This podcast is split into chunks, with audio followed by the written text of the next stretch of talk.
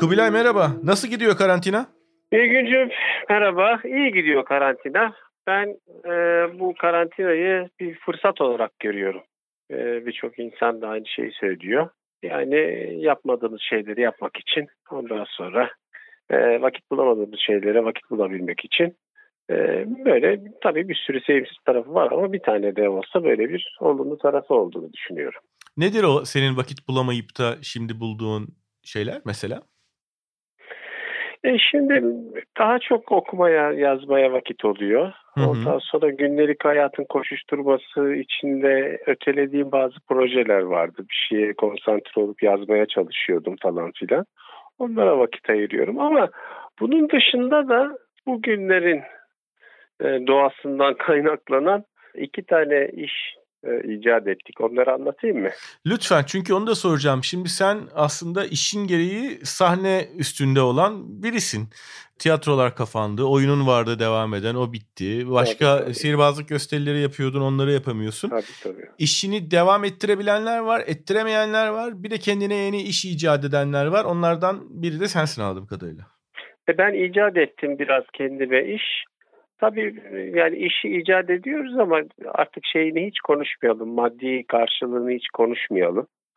Hepimiz aynı geminin içindeyiz. Yani tamam bir takım işler icat ediyorum ama karşılığında da tabii e, paralar kazanabiliyor muyuz veyahut da icat eden kadar kazanabilecek miyiz? O bambaşka bir muamma ama Hı hı. e, şey, şey yapıyorum. O zaman online- iş değil, meşgale icat etmek diyoruz o zaman. bu. e, Biraz öyle, biraz öyle meşgale icat etmek gibi diyelim.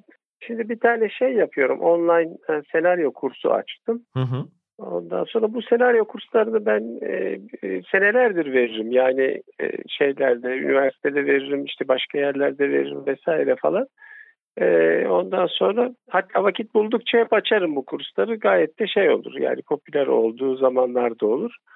Neyse dedim ki yani madem böyle bir zamanda evde oturuyoruz biraz da şey olsun yani moralimiz yükselsin. Şunu dedim online yapı vereyim. Hı hı. Sembolikte bir e, şey belirledik. Bunun ücretini belirledik. Onu da dedik hayır işlerinde kullanacağız. Hakikaten de öyle e, şey yapıyoruz. Neyse e, bir anda böyle gayet güzel ilgi oldu ona. Kontenjanı doldu falan. Başladık anlatmaya. Onu yapıyorum şimdi. Bu pazartesi başladık. İşte perşembe ikincisi var. Öbür pazartesi ondan sonra öbür perşembe dört seans. Hı hı. O senaryo kursunu yapacağız. Belli ki yeni şeyler de açacağız. Yani yeni saatler de açacağız.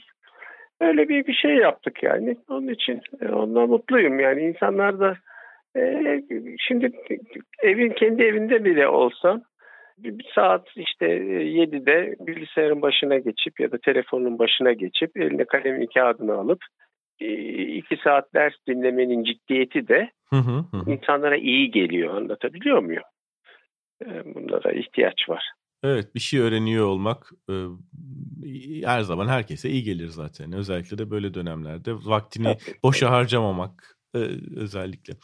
Bir de çocuklar için de bir şey planlıyorsun çocuklar galiba. için de şey yapıyorum. Şimdi e, evde çocukların hali biraz zor tabii okula gitmiyorlar. Ondan sonra onlara ö- daha çok öğretici sihirler şey yapıyorum.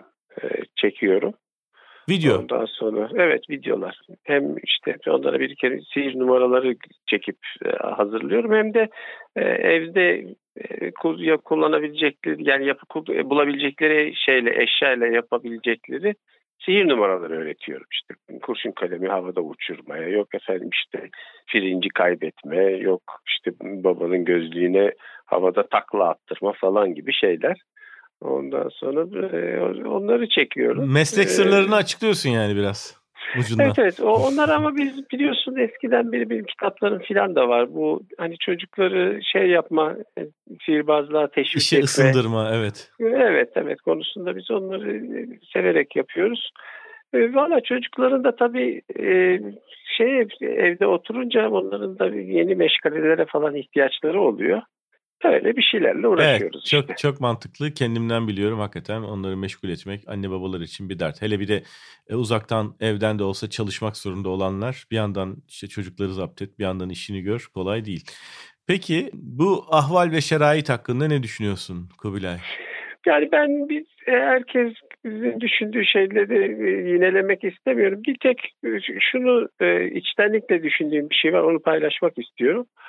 Yani tabii şartlar ne olursa olsun insanın mücadelesinde moral çok önemli. Onun için de insanın kendi biyolojisini kandırmanın yollarından bir tanesi de gülmek.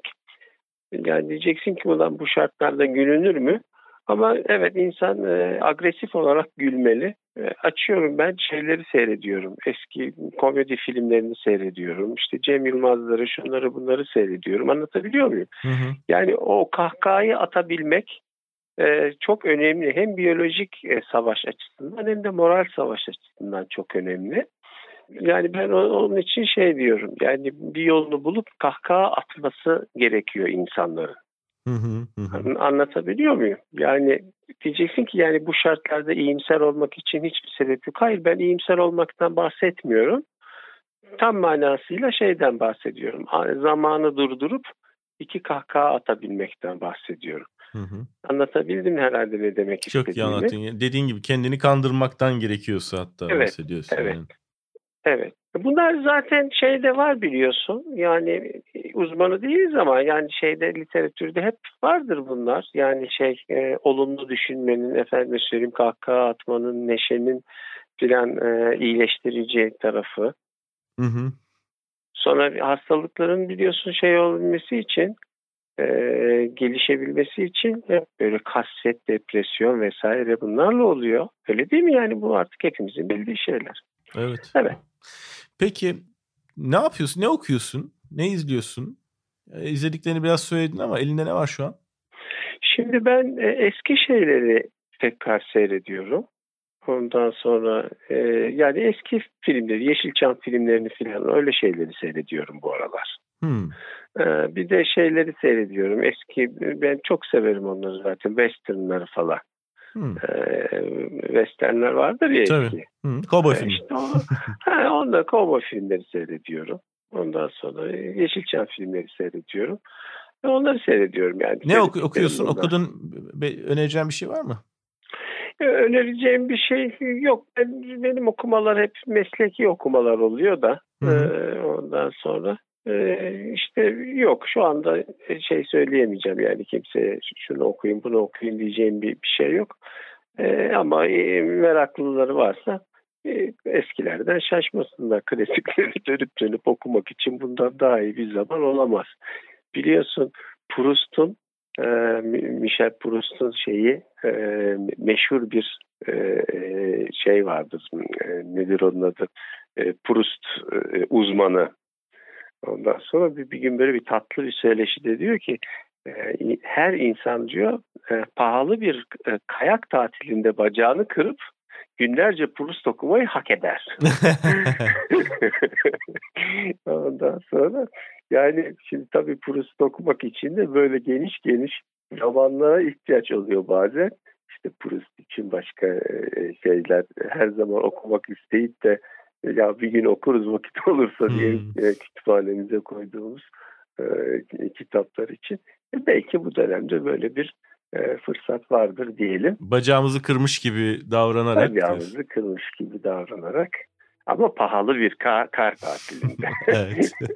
Yani sonrasında sefil olmayacağın e, evet, bir, bir durumu garantileyerek. Yani. Evet, evet. evet. Kubilay çok teşekkür ederim. Ben teşekkür ederim. Görüşmek üzere, hoşçakal.